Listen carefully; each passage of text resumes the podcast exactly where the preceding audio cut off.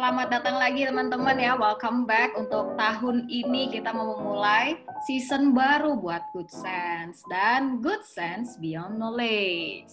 Apa kabar teman-teman semua? Yang lagi di rumah, aku yakin kalian lagi pada happy ya, habis ngerayain tahun baru bareng keluarga. Tapi kalaupun sendiri di rumah masing-masing karena ini masih sesi-sesinya stay at home, masih belum bisa bebas keluar, nggak apa-apa, tenang saja Good Sense bakalan temenin liburan kalian yang lagi sendirian di rumah. Abis kalian bisa enjoy Good Sense hari ini.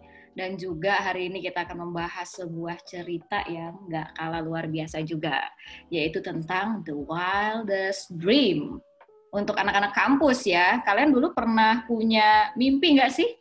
Waktu kecil gitu ya, pengen jadi dokter, pengen jadi tentara, apa tuh, pengen jadi model, kali ada yang mau jadi astronot Sampai sekarang masih kejaga nggak mimpinya?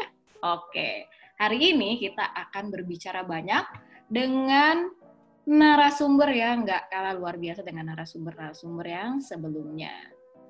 Kita langsung aja ya connect dengan narasumber yang hebat kita melalui Zoom.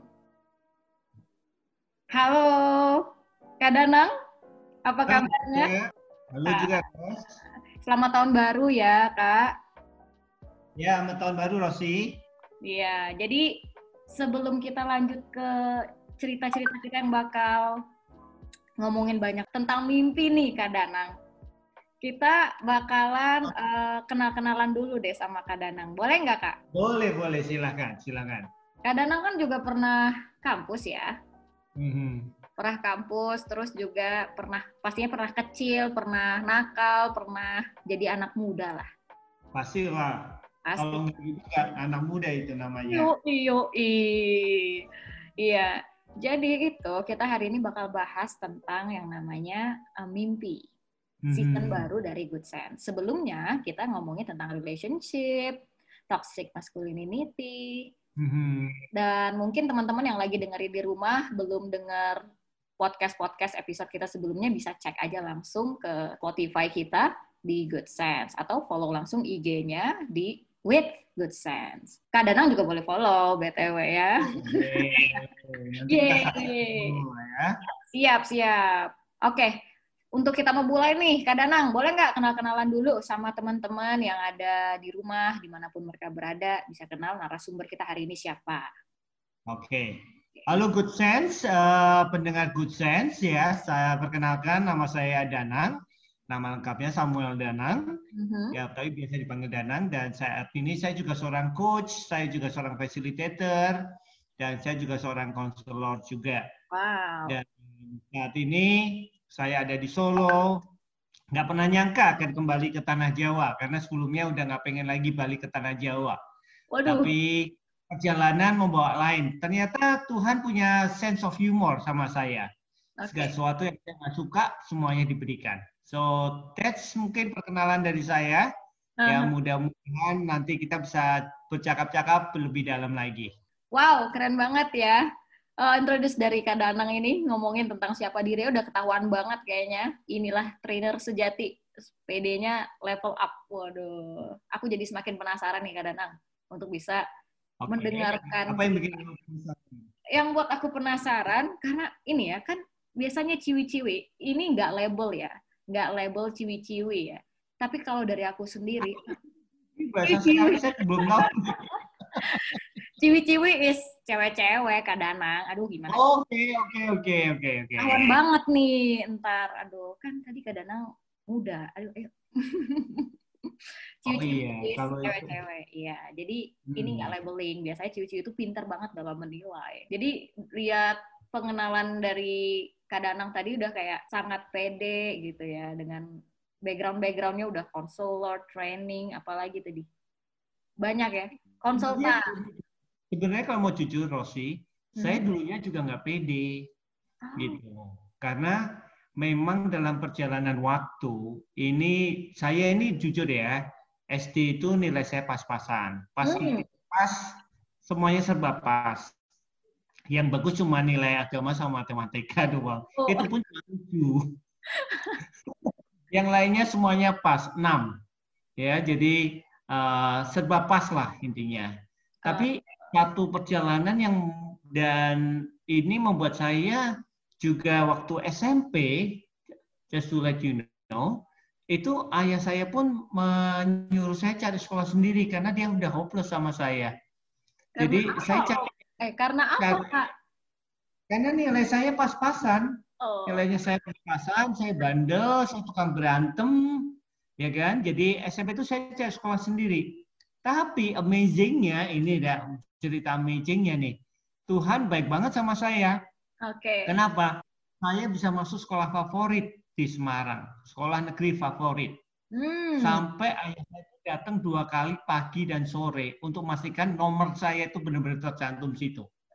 Dan saya masih ingat nomor saya itu 625, Wah. nomor urut. Ya, Momen kan? bersejarah dong ya bagi papanya kadang. Dan dan itu itu membuat ayah saya juga jadi, weh kok bisa ya gitu kan. Dan satu geng saya yang ikut mendaftar nggak ada satupun yang diterima, cuma saya sendirian. Wow. Gitu. So kira-kira seperti itu dan tapi kelas 1, waktu kelas 1 naik kelas 2, tahu nggak ranking saya berapa? Karena zaman dulu itu selalu dibikin ranking ya. Saya ranking 400 dari 450. Kebayang ya? Iya. Betapa begonya saya. Saya pikir kalau saya eh, karena ya waktu itu belum belum niat belajar, masih males, masih apa gitu kan Bandel gitu ya. bandel. Sampai kelas 2 SMP, saya itu membaca satu autobiografinya dari majalah Intisari. Majalahnya masih ada sekarang, cuman udah jarang orang baca. Ya, jarang banget orang mencari majalah itu karena itu ma- majalah serius katanya, ya. Jadi Ajar orang tua gitu ya. majalah orang tua lah waktu itu. Saya baca ada satu kisah ini yang role model pertama saya Boleh. namanya Jenderal Douglas MacArthur. Wow. Jenderal perang uh, Jenderal perang Amerika yang waktu dia keluar dari Filipina karena kedepak sama Jepang, dia bilang I shall return. Nah, dia benar-benar return. Nah, dan yang bikin saya terinspirasi adalah apa? Satu, dia bandel. Pinter banget, lulusan West Point Academy. Uh, dan satu lagi, playboy. Oh, jangan-jangan Kak Danang gitu nih. Enggak Nah, ya? memang betul. Waduh. Menarik, gitu. menarik. Silakan Kak Danang. Aku pengen dengar ceritanya. Jadi- boleh, boleh. Dari situlah saya mulai banyak berubah. Saya bandel, oke, tapi saya mulai memastikan saya harus bandel. Saya bandel nggak apa-apa. Yang penting nilai saya bagus Oh. dan di depan saya bisa punya banyak cewek. Ya kan? Itu yang saya mau, gitu kan? Dan saya udah bercita-cita. Itu baru SMP itu ya, SMP kelas 2 itu. Heeh. Saya mulai bercita-cita dan wah saya harus bisa ini. Kenapa nggak bisa? Kalau dia bisa pasti saya bisa. Dan saya serius, mulai serius. Saya mulai belajar. Dan akhirnya saya lulus SMP menjadi ranking, mungkin ranking 50 kali. Dari 450.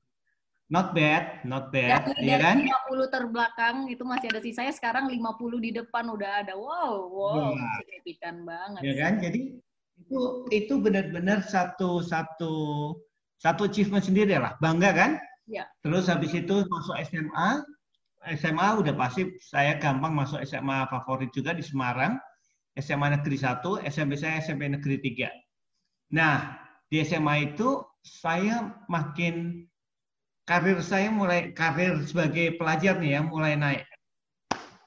Saya pun juga milih ekstrakurikuler yang buat orang-orang yang mungkin dulu nggak suka, yaitu namanya KIR, Apa? Karya Ilmiah Remaja. Aduh, Karya. waktu SMA aku ngapain ya kak? Hmm. Kenapa? Karena pengen show off gaya gitu kan, pengen show off kan, Biar dapat cewek. Nah, untuk itu objektifnya di situ.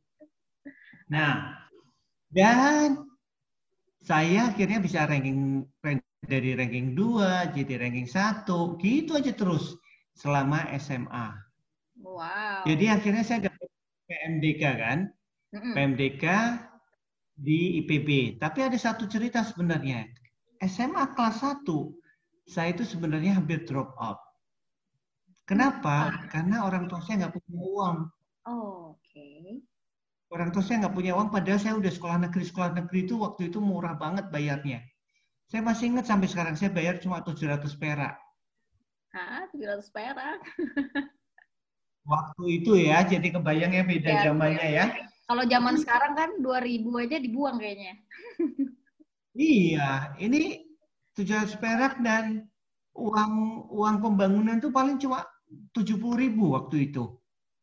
Jadi ibaratnya saya sempat saya waktu itu kelas kelas 1 akhir saya udah mulai pamit-pamitan. Kenapa? Karena orang tua saya lagi kesulit. Tapi bersyukur ya akhirnya saya nggak nggak jadi drop out, saya bisa lanjut dan akhirnya bisa kuliah. Nah, kuliah pun juga istilahnya saya saya kan dapat PMDK. Tadinya mimpi saya sebenarnya adalah apa? Pengen jadi dokter. Pas kelas 3 SMA, tiba-tiba jalur PMDK, PMDK itu penerimaan mahasiswa tanpa tes. Oh, nah, SNPTN ya berarti sekarang. Eh benar nggak sih? SNPTN? Ini tanpa tes, tanpa tes. Oh iya benar-benar. Ini namanya PMDK saya. Nah, karena saya ranking, saya yakin pasti pasti dapat dong. Yo. Saya mau masuk ambil Unair, ambil kedokteran waktu itu. Makanya saya ambil jalur biologi waktu itu. Selama SMA, saya masih bandel, mulai punya pacar, mulai apa istilahnya? Pacarnya berapa kak waktu itu? Ayo. cuman banyak, cuman pacar cuma satu. Oke, Karena apa? Banyak, pacar cuma satu. Catet, ntar ya hari. Itu masih masih belum apa-apa lah itu. Itu masih oke okay lah. Nah, pas pas saya di SMA itu saya terbandel dan suka gangguin guru. Suka gangguin guru, jadi kadang kala saya berdebat sama guru, karena saya suka banget sejarah, jadi kadang ada guru yang saya salah-salahin karena dia salah sedikit gitu, saya bikin pusing, bandel banget lah pokoknya deh. Terus ulangan saya itu pasti berkeliling ke satu kelas. Mm -hmm. Jadi saya nyontekin oh. satu kelas. Jadi jawabannya Kak Danang traveling gitu maksudnya satu kelas. Ya, traveling ibaratnya. Pasti nah, akhirnya nih sama anak-anak kampus nih ya. Hati-hati. Ya, nah, guru-guru pada tahu kan akhirnya kan. Saya ditaruh di depan, paling depan. Saya nggak pernah nyontek. Saya waktu SMA saya udah memutuskan saya nggak nyontek, nyontekin nggak apa-apa. Nah. nah, itu itu konsep saya waktu dulu SMA ya, masih bandel. Padahal saya ini ya ya tapi bandelnya nggak kelihatan lah karena karena nilai bagus jadi guru-guru oh ya sudahlah nggak apa-apa lah gitu kan. Uh, saya pernah ngerjain uh, guru bahasa Indonesia juga itu bisa dibilang kamu nyontek ya? Enggak bu ibu ya bikin saya sakit hati saya bilang gitu kan. Akhirnya oh ya maaf maaf sampai guru-guru padahal waktu itu waktu itu ya jujur waktu suruh bikin sinopsis karena saya nggak sempet saya beli buku saya copy aja sinopsisnya saya kirim jadi apa? Jadi tugas. aku harap ya, aku harap Kak Danang ini podcastnya nyampe ke gurunya, guru zaman dulu Kak Danang. Enggak tahu deh, masih ingat atau enggak lah dia ya. Nah, terus ya singkat cerita, pas PMDK dihapuskan, saya sempat down. Waduh, kok dihapuskan? Pas saya udah mau lulus gitu kan, Eh tiba-tiba ada tawaran untuk melamar di IPB Bogor. Mm -mm. Akhirnya saya lamar dan dari sekolah satu sekolah yang keterima cuma tiga orang. Dan kita bertiga diminta untuk tanda tangan di uh, di apa buku sekolah untuk benar-benar diambil nggak boleh nggak diambil. Oke. Okay. Akhirnya di, kita ambil. Jadi akhirnya saya kuliah di IPB. Nah, di IPB itu ceritanya lain lagi.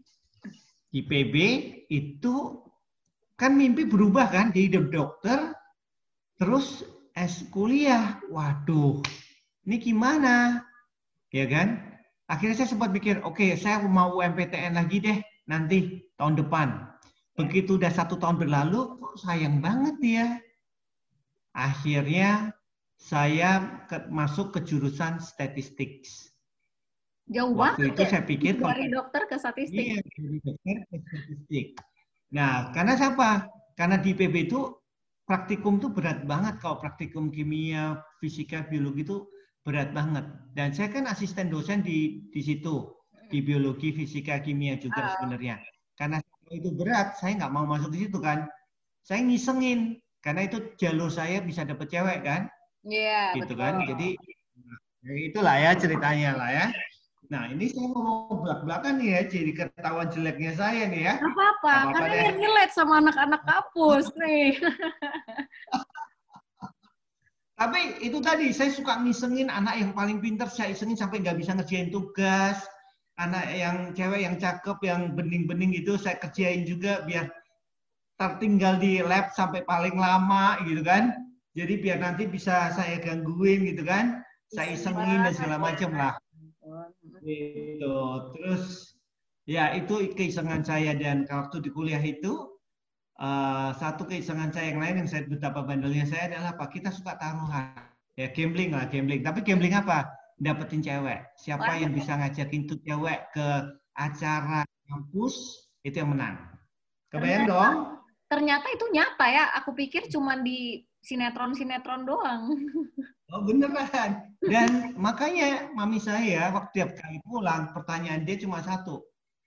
Semester ini pacarmu siapa? Ya ampun. Kan tiap semester ganti. Ampuni lagi. Bener lah pokoknya deh. Oh, Kalau mengingat saya itu. Tapi itu itu untuk membuat supaya lively hidup itu, ya kan? Jadi biar punya semangat dong, ya tapi ya kan? Satu sisi show off. gitu ya, ya oke. Okay. Ya, tapi mereka juga suka dijadikan korban ya, nggak sudah lah ya, terima aja lah ya. Waduh, ini netizen yang mendengar ini mohon bersabar guys, mohon bersabar. Ya. Tapi ya ini ini cerita masa lalu lah, cerita masa lalu. Nah, singkat cerita lah, basically begitu kuliah, pas kuliah tingkat terakhir, ya ini yang menarik nih tingkat terakhir begitu selesai sidang ya begitu selesai sidang kebahagiaan saya lulus menjadi sarjana itu cuma 15 menit. Hah? Kenapa?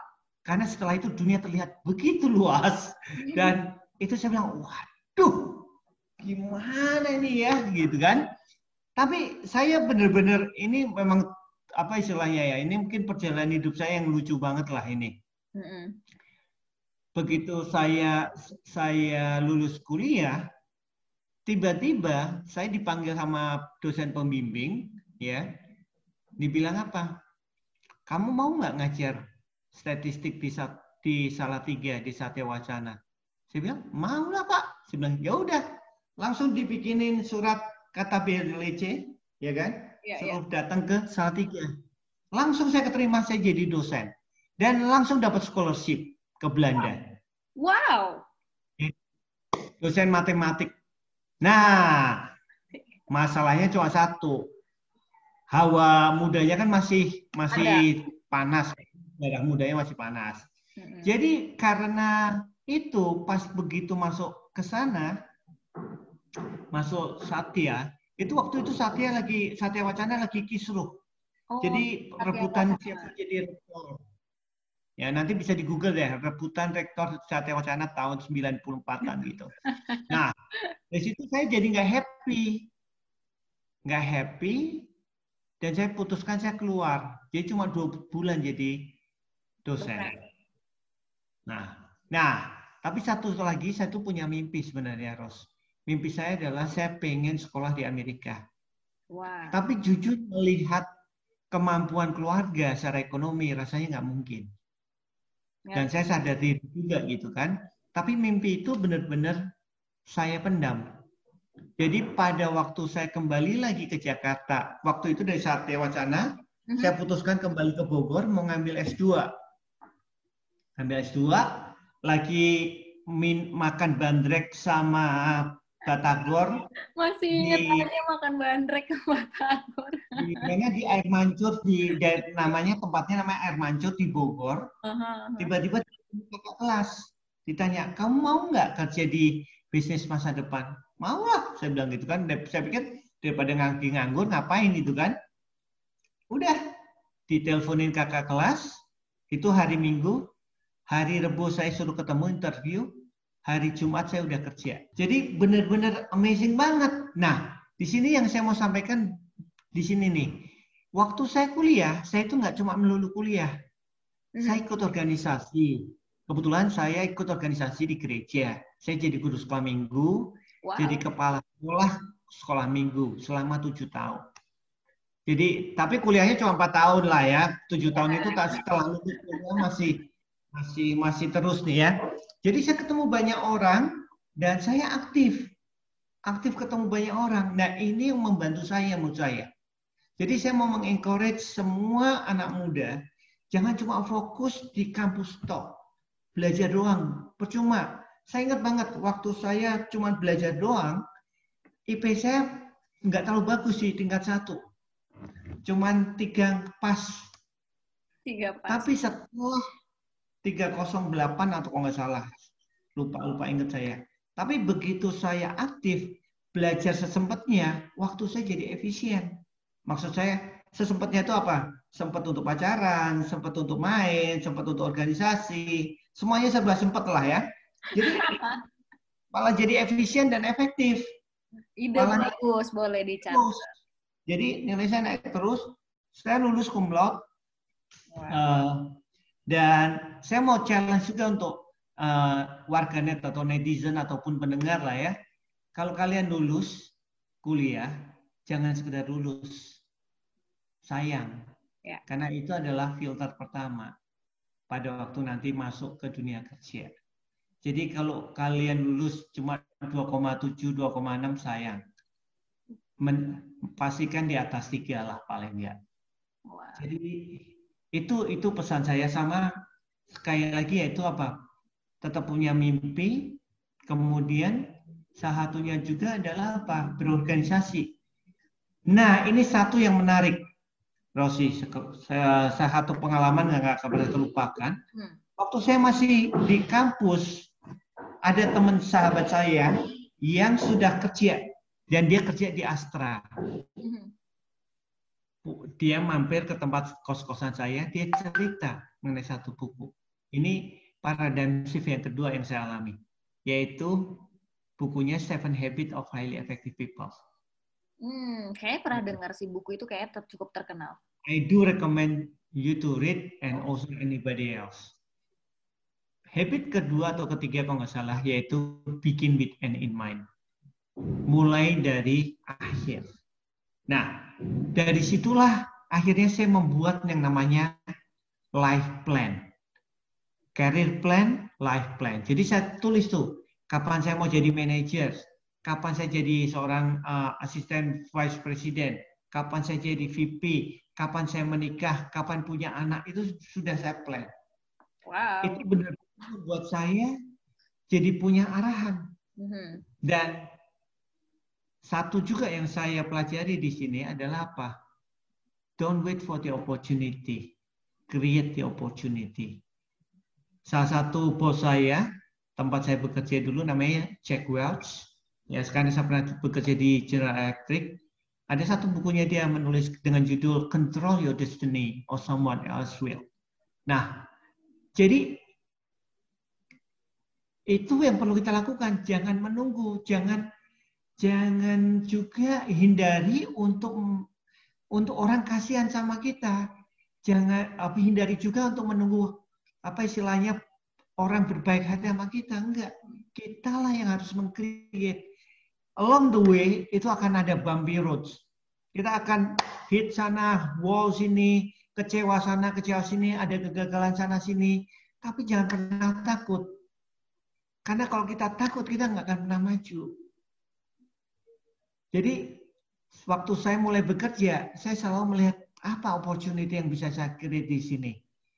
Ya, opportunity-nya apa. Jadi saya nggak nggak sungkan untuk pindah kerja. Untuk apa? For a better opportunity. Dan saya siap dengan segala resikonya. I was very ambitious and workaholic person. Sangat. Jadi I'm I'm really prepared with all of the knowledge. Jadi setelah saya baca buku Seven Habits itu, every month I ensure I read one book. From 1994 April until today. Satu bulan satu buku. Jadi satu bulan satu buku. Jadi itu yang membantu saya otak saya jadi lagi apa sih punya plan, punya rencana, punya drive. Jadi saya bacain semua dan saya pastikan saya harus kenal sama setiap orang yang ada di organization, di company. So when you work for the company, atau bahkan sekarang masih di kampus, you have to know to connect with everyone in every corner. Supaya apa? Because that will help you. When you have a bigger opinion, you have bigger network, that will help you. Terutama sekali sama alumni. Jangan jangan ibaratnya uh, jangan pernah nggak connect sama alumni.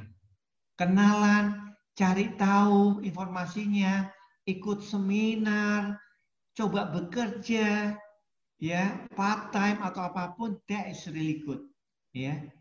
Uh, dan satu lagi, begitu kita single dari kampus jadi single, kita punya duit, jangan lupa nabung. Iya. Ya. Karena apa? Saya waktu itu saya nabung hampir 50% of my salary saya tabung. Saya hidup hanya dengan mungkin sekitar 20-30%. Jadi benar-benar ngirit banget. Untuk apa? For my dream. Apa itu? Sekolah lagi. Wow. Karena saya tahu nyari beasiswa itu kan nggak gampang. Ya kan? Jadi saya save a lot. Dan I save by the bell. In 1998, waktu krisis ekonomi di Asia, mungkin Rosi baru lahir mungkin malahan. Ya 1998. Ya. Betul. Benar ya? Benar benar, baru lahir aku kadanang.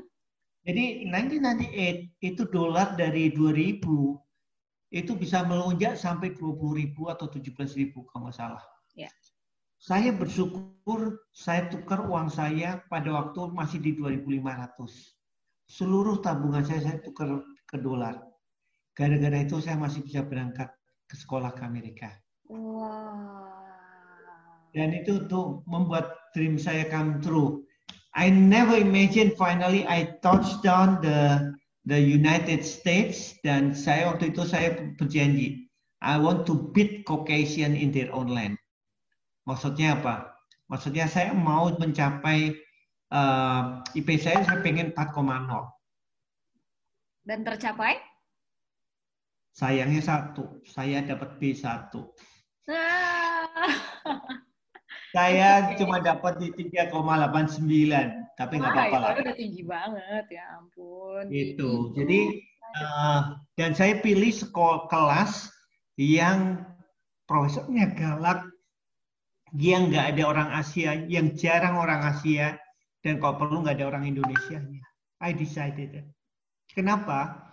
Karena saya mau belajar. Saya udah ngeluarin duit, saya mau belajar. You challenge yourself ya berarti. Ya, yeah, I challenge, keep wow. challenging myself.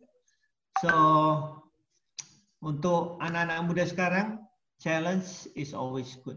Okay, that will uh, push your adrenaline, ya kan, dan you learn something, ya. Dan selama kuliah di stage saya bukannya leha-leha ya. Uang saya pas Cari cewek masih nggak tuh, Kadanang? Cari-cari cewek masih nggak? Oh, pastilah. Oh, pastilah. Jadi Baiklah. itu saya putus sama pacar saya waktu itu karena waktu itu saya ajakin mau nggak nikah sama saya kita berangkat ke Amerika. Nggak mau. Ya udah saya tinggal. Oh, okay.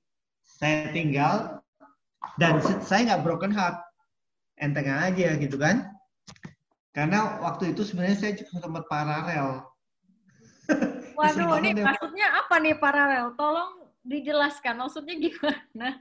Jadi waktu udah hampir mau putus, saya udah punya backup. Waduh, aduh mohon para good sensei yang lagi dengar di mana pun kalian berada ya, ya itu, itu, itu, itu, itu jadi pengalaman yang baik. Jangan ditiru.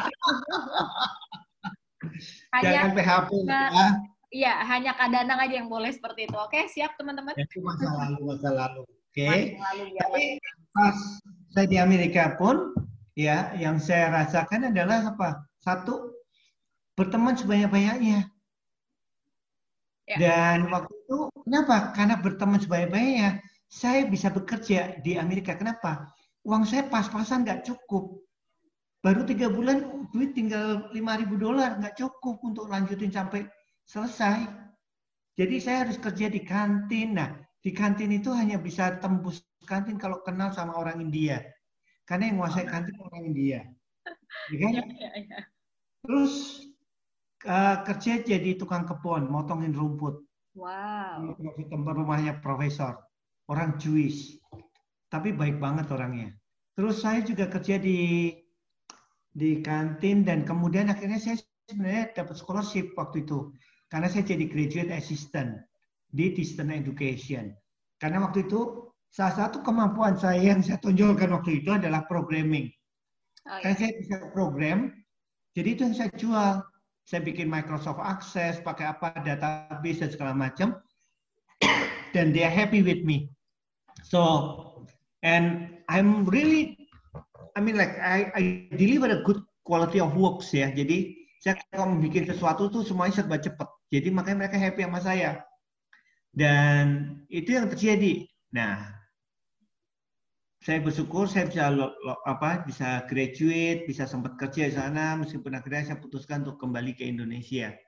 Jadi itulah kira-kira sekitar sekilas cerita saya dan di Amerika pun ya karena role modelnya Douglas MacArthur ya saya sempat pacaran sama banyak orang lah ya orang Thailand pernah, ketinggalan ya karena ya. Orang Cina pernah, orang Amerika pun pernah, gitu. Jadi tapi I never cross the line, so that's the good thing. Oh, respect. yeah, I never cross the line, gitu. Awesome. Oh, I remember my father's message before oh. I left home. Sekalipun bocah nakal, tapi masih sayang papa ya, jadi yeah, taat yeah. gitu ya sama ajaran-ajaran wangsit-wangsit papa gitu ya. Wow, hmm. thank you banget Kak Danang udah share about your life. Aku aja ter apa ya, sangat-sangat terinspirasi boy. Itu kata-kata anak muda tuh gills banget gitu katanya. Gills. Siapa punya pacar banyak, lu mau inspirasi yang mana? Oh mohon maaf karena aku ciwi-ciwi yang baik, kita nggak suka sama cowok-cowok player karena kita baru bahas itu kemarin Kak Danang tentang uh, relationship. You never know about player or not. oh, oh, aku enggak, aku aku anak baik. Teman yang di sana, uh, aku anak baik kok. Aku enggak nggak main-main cowok gitu. Aku setia, aku setia. Promosi diri gitu loh kadang-kadang sekalian kan yeah. good sense. Iya. Ya pada yang ada lah ya. Ya, uh. uh, uh. Oke, oke. Oke, lanjut nanti okay, banyak yang cemburu kadang-kadang, mohon maaf nih ya. Yeah. banyak yang cemburu oke okay. gini aku belajar ini ada yang pengen aku poin-poinin dari ceritanya Kak Danang mm-hmm. Totally sebelum aku ngobrol sama Kak Danang kita tuh menemukan tim researchnya kita menemukan bahwa anak muda tuh sangat idealis mm-hmm. dari kecil kalau kita tanya dulu ya anak-anak TK tuh Dek, kamu mau jadi apa? Mau jadi pramugari gitu. Mau jadi apa? Dokter, tentara, astronot, apa pun lah Hmm. gitu ya tapi masuk SMA masih ada SMP masih ada karena kan dream itu masih terjaga until mereka mau masuk kuliah mana gitu kan. Tapi hmm. udah mau masukin kuliah sama seperti apa yang Kak Danang cerita tadi. Udah hmm. mulai mungkin berat kali ya di masa kuliah aku juga kuliah gitu kan. Mulai kayak ya udah yang penting lulus. Mah perkataan itu sering banget.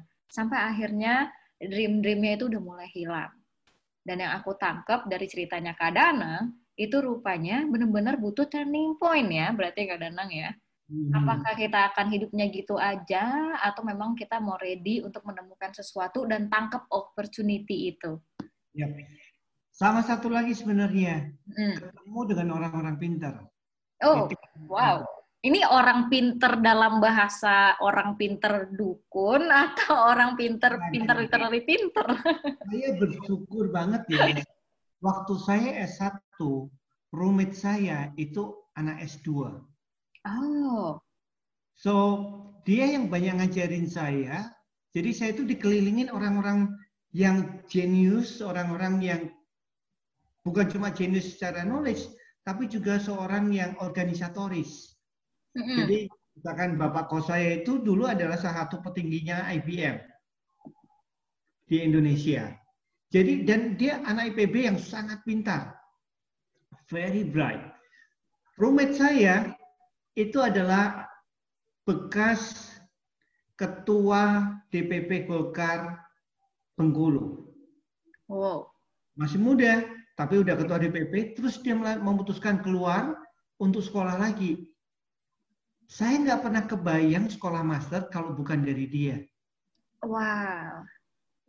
Jadi saya dibilang gini waktu itu, saya ingat banget. Dan dia yang ngomong sama papa saya untuk memberikan izin. Jadi dia bilang gini, lima tahun dari sekarang, anak S1 itu udah terlalu banyak. Persaingan akan makin ketat. Jadi pastikan untuk ambil S2. Nah, ayah saya itu sangat respect sama roommate saya ini, namanya Mas Nadra. Mm-hmm. Ya. Nah, di sini saya mau ngajakin kita semua, kita tuh belajar dari banyak orang dengan berbagai macam background. It's okay, apa pun latar belakang mereka. Ya.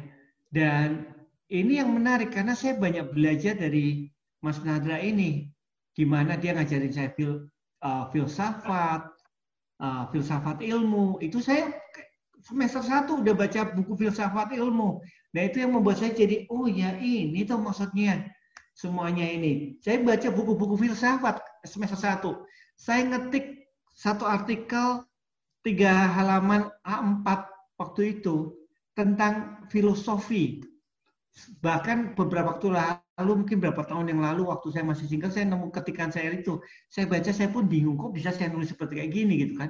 Zaman itu gitu kan. Jadi uh, it's really interesting dan kini yang kita harus pastikan, kita harus ketemu orang-orang yang jago dan kalau perlu kita harus memperkenalkan diri, belajar, dapat energinya, dapat mimpinya, and move forward terus. Itu yang saya lakukan. Karena saya nggak mau ketemu loser.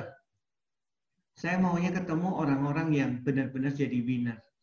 Itu yang membuat saya uh, terus punya energi. Jadi kalau enggak, wah, pernah nggak saya mau nyerah? Pernah. Saya ingat banget salah satu training yang diberikan sama Mas Nadra itu ke saya adalah apa? Naik gunung gede. Kita mendaki gunung cuma berdua, sangat res, resiko, tapi ya kita selamat. Dan di situ saya bilang, kalau gunung gede bisa saya taklukkan, saya bisa naklukkan diri saya sendiri. Wow. Rasa malas saya, rasa nggak percaya diri, Bayangin dari anak Semarang pindah ke Bogor, banyak ketemu. Di PB itu kita ketemu ranking 1 dan ranking 2 seluruh Indonesia. Kita beradu di situ. Dan di PB waktu itu, itu banyak anak stres. Kenapa? Karena Kenapa banyak anak stres. karena, karena gini, biasa dari ranking 1 tiba-tiba angkanya jelek. Saya nggak pernah dapat nilai matematika 5 kecuali di PB. Wah. Itu nilai exam saya yang pertama, matematika wow. 35, itu bikin saya stres. Setelah itu kemudian saya belajar. Begitu saya tanya teman-teman saya, kamu nilai berapa? 10, 5. Ah, aman kalau gitu. Kak, aku sering kayak gitu sih, Kak, dulu. Ya. Memastikan nilai yang lain biar berasa aman. Ya, betul, betul. Karena pakai sistem distribution kan? Iya, betul. Benar-benar saya di dihantam itu itulah satu hal yang saya juga belajar common sense di PB itu itu banyak mengajarkan saya banyak hal sih jadi ketemu orang yang semangat ketemu orang yang pintar ketemu orang yang punya visi jadi jangan cuma di kamar kos main game atau baca Betul. cuma pacaran doang jangan nonton doang gitu ya nonton doang jangan kalaupun nonton sekarang itu nonton paling nggak nonton TED TED. Ya, ya, betul. Aku aku tahu, aku tahu TED. Aku suka banget. Nah, tonton hal-hal kayak gitu. Uh, dengerin podcast yang bagus-bagus karena zaman dulu nggak ada. Zaman yeah. sekarang udah ada. Kayak good sense gitu ya kadang ya. Ya, boleh lah itu. ya. Boleh lah. gitu. Nggak, menjawab nggak kira-kira, Ros? Wow, menjawab banget. Jadi aku tangkap ini.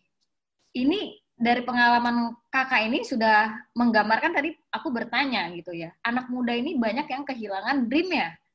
Hmm. Karena menghadapi realita dan rupanya sangat terlihat dengan apa yang Kak Dadang cerita. Mungkin gagal sekali langsung percaya diri turun, terus dream udah mulai kabur, terus bukannya dikejar lagi, tapi lebih cenderung ke menyerah. Tapi apa yang kakak cerita hari ini, aku tangkapnya adalah kita butuh membuat opportunity itu. Mm-hmm. Aku banget sih. Somehow aku juga bisa begitu karena kayak somehow kita nunggu. Ya nantilah, mm-hmm. nantilah menunda-nunda waktu itu anak muda gitu banget ya.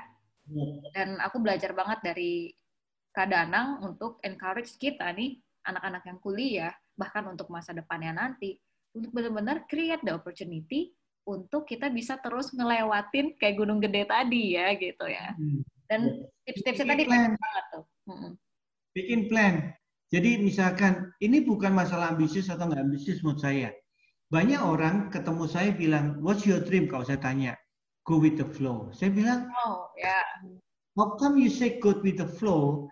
Kalau misalkan flow-nya, flow airnya itu ke selokan dulu, ke cemberan dulu, ke benar juga. Gitu kan?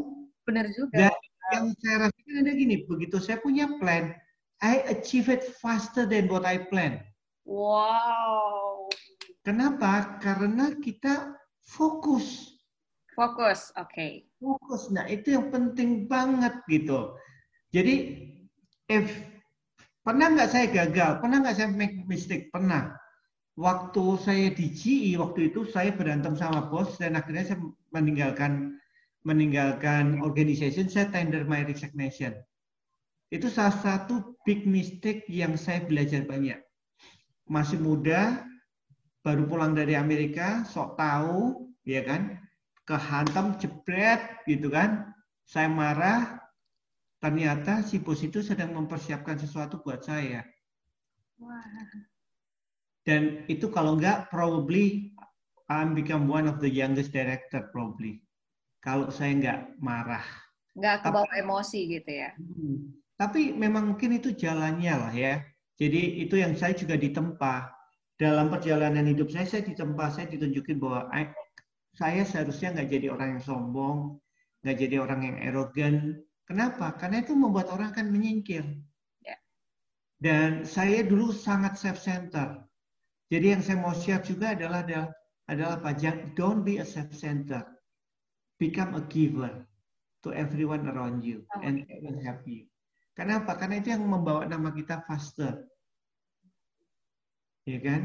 Uh, travel across the border, across everything, gitu. Jadi, and and rencana itu sangat penting. Kalaupun gagal, cari caranya apa lagi?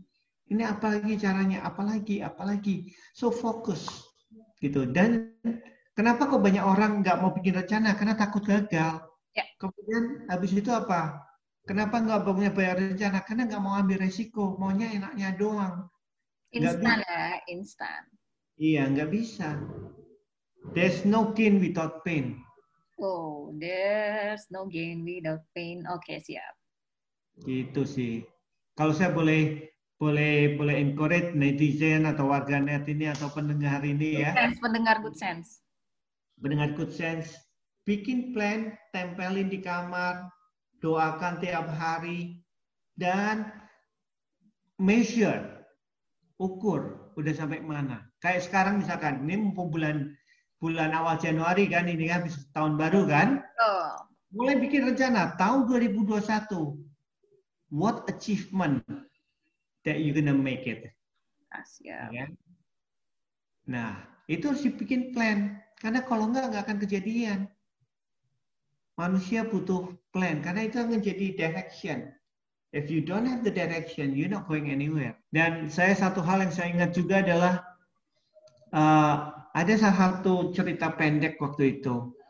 Saya diingetin, kamu mau jadi kristal yang mahal, yang kalau jatuh hancur, atau kamu jadi bola tenis yang jorok, tapi kalau dibanting selalu mantul.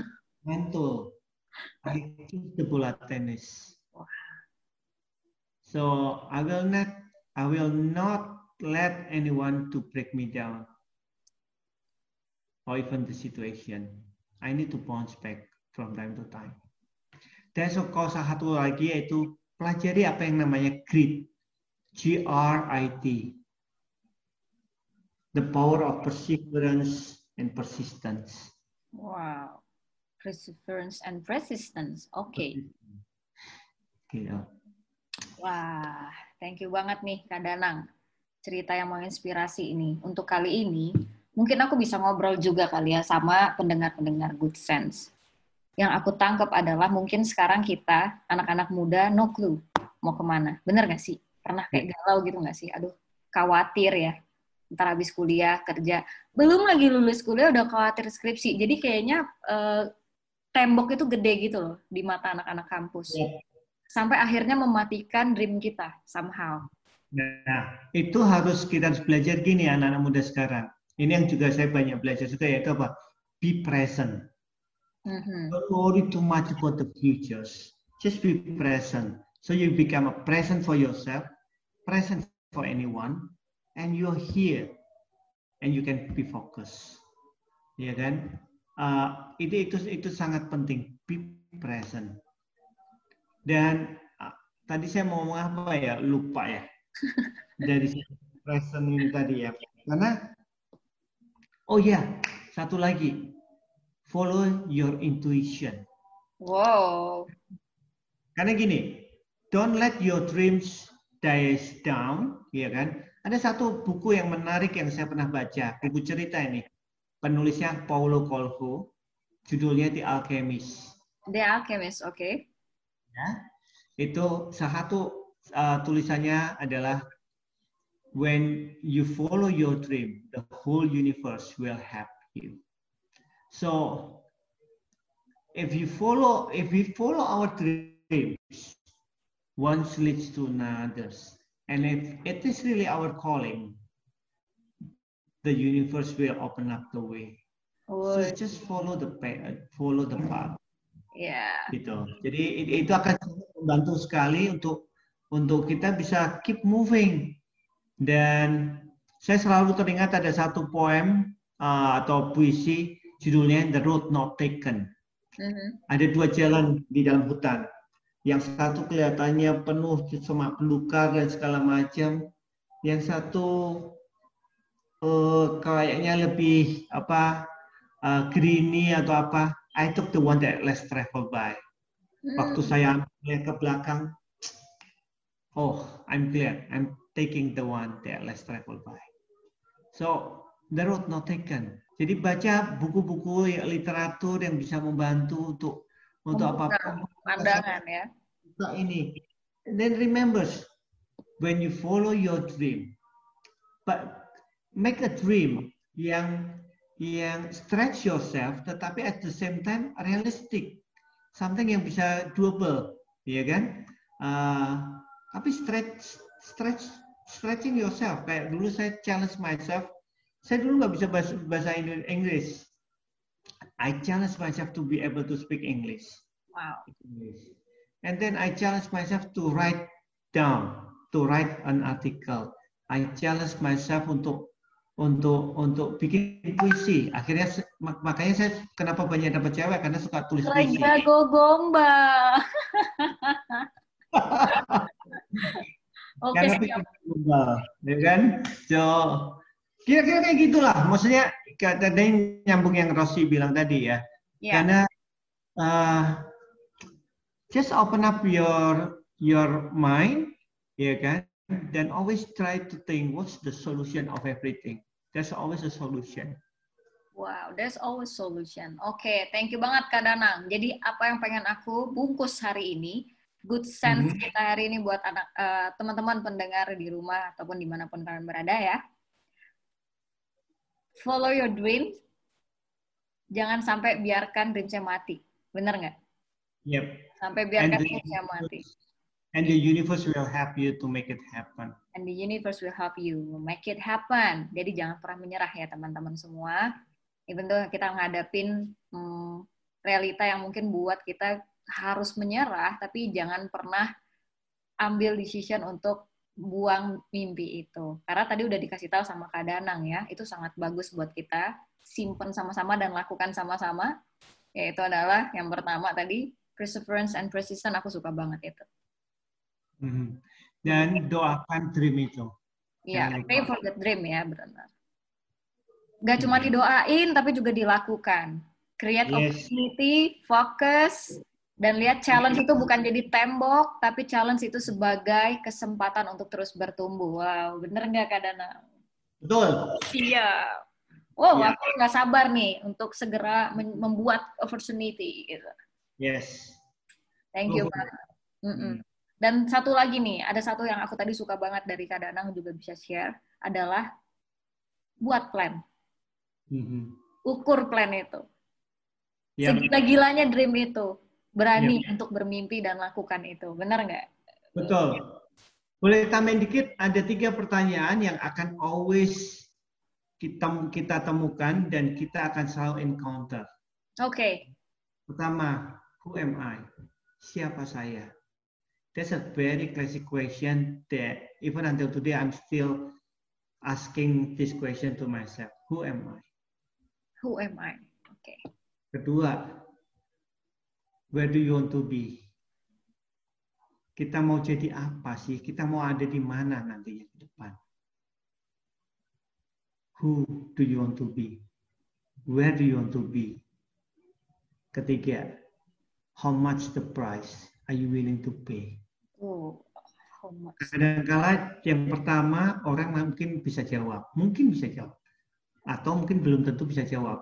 But you can ask few people, and I guarantee not many people can answer the first question, who am I? The second one, in even tougher. Not everybody will able to answer this second question. And the third one is even harder because usually people not willing to pay the price. Price. Wow. Yeah, sangat relate, sangat relate. Sekalipun kita masih muda, the price is not talk about money aja ya sebenarnya. Ya. Tapi money sebenarnya everything sebenarnya. Yang so, memiliki ada determination. Determination.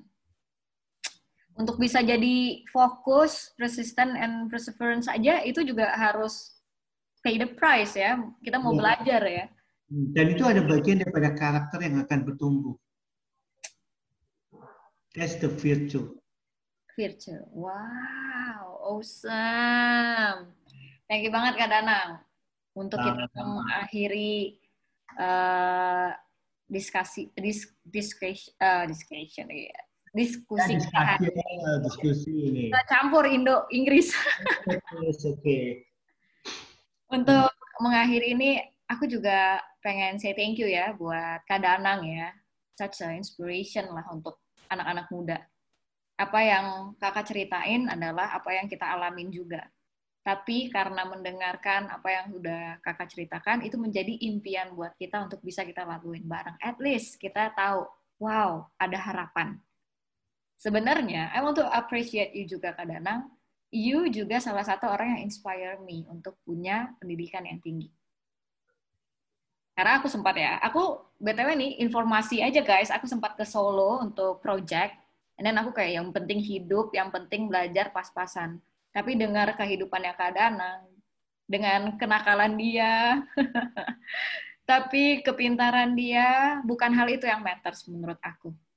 Bukan pencapaiannya, tapi perjuangannya. Help me untuk bisa berjuang juga. Itu yang aku juga pengen sampaikan buat teman-teman untuk punya uh, dream terus dikejar ya kita juga harus cari inspirasi. Orang-orang bisa menginspirasi inspirasi kamu di mana pun kamu berada. Tapi pernah nggak kita juga pengen kita yang menginspirasi orang lain? Just like Om Danang eh, just like Kak Danang lakukan buat aku dan kita semua yang dengar di sini. Sekali lagi thank you banget Kak Danang. Sama-sama thank you. ya, thank you juga buat teman-teman yang sedang mendengarkan hari ini. Kiranya hari ini teman-teman punya mimpi lebih semangat lagi. Yang udah mati hidup lagi gitu ya. Simpen baik-baik um, catatan-catatan yang dari Kak Danang buat kita untuk pursue our dream, jangan menyerah. Dan satu lagi, terus punya mimpi yang gila. Oke, okay, teman-teman Good Sense yang sudah mendengarkan episode kali ini, kita say thank you banget kalian sudah setia sama episode 1 sampai sekarang ya, season Dream. Dan aku cuma mau encourage kalian semua untuk terus punya mimpi dan berani untuk punya mimpi yang gila dan jangan pernah menyerah akan itu. Good sense beyond knowledge. Sampai ketemu next episode. Bye bye. Semuanya. Thank you, Kak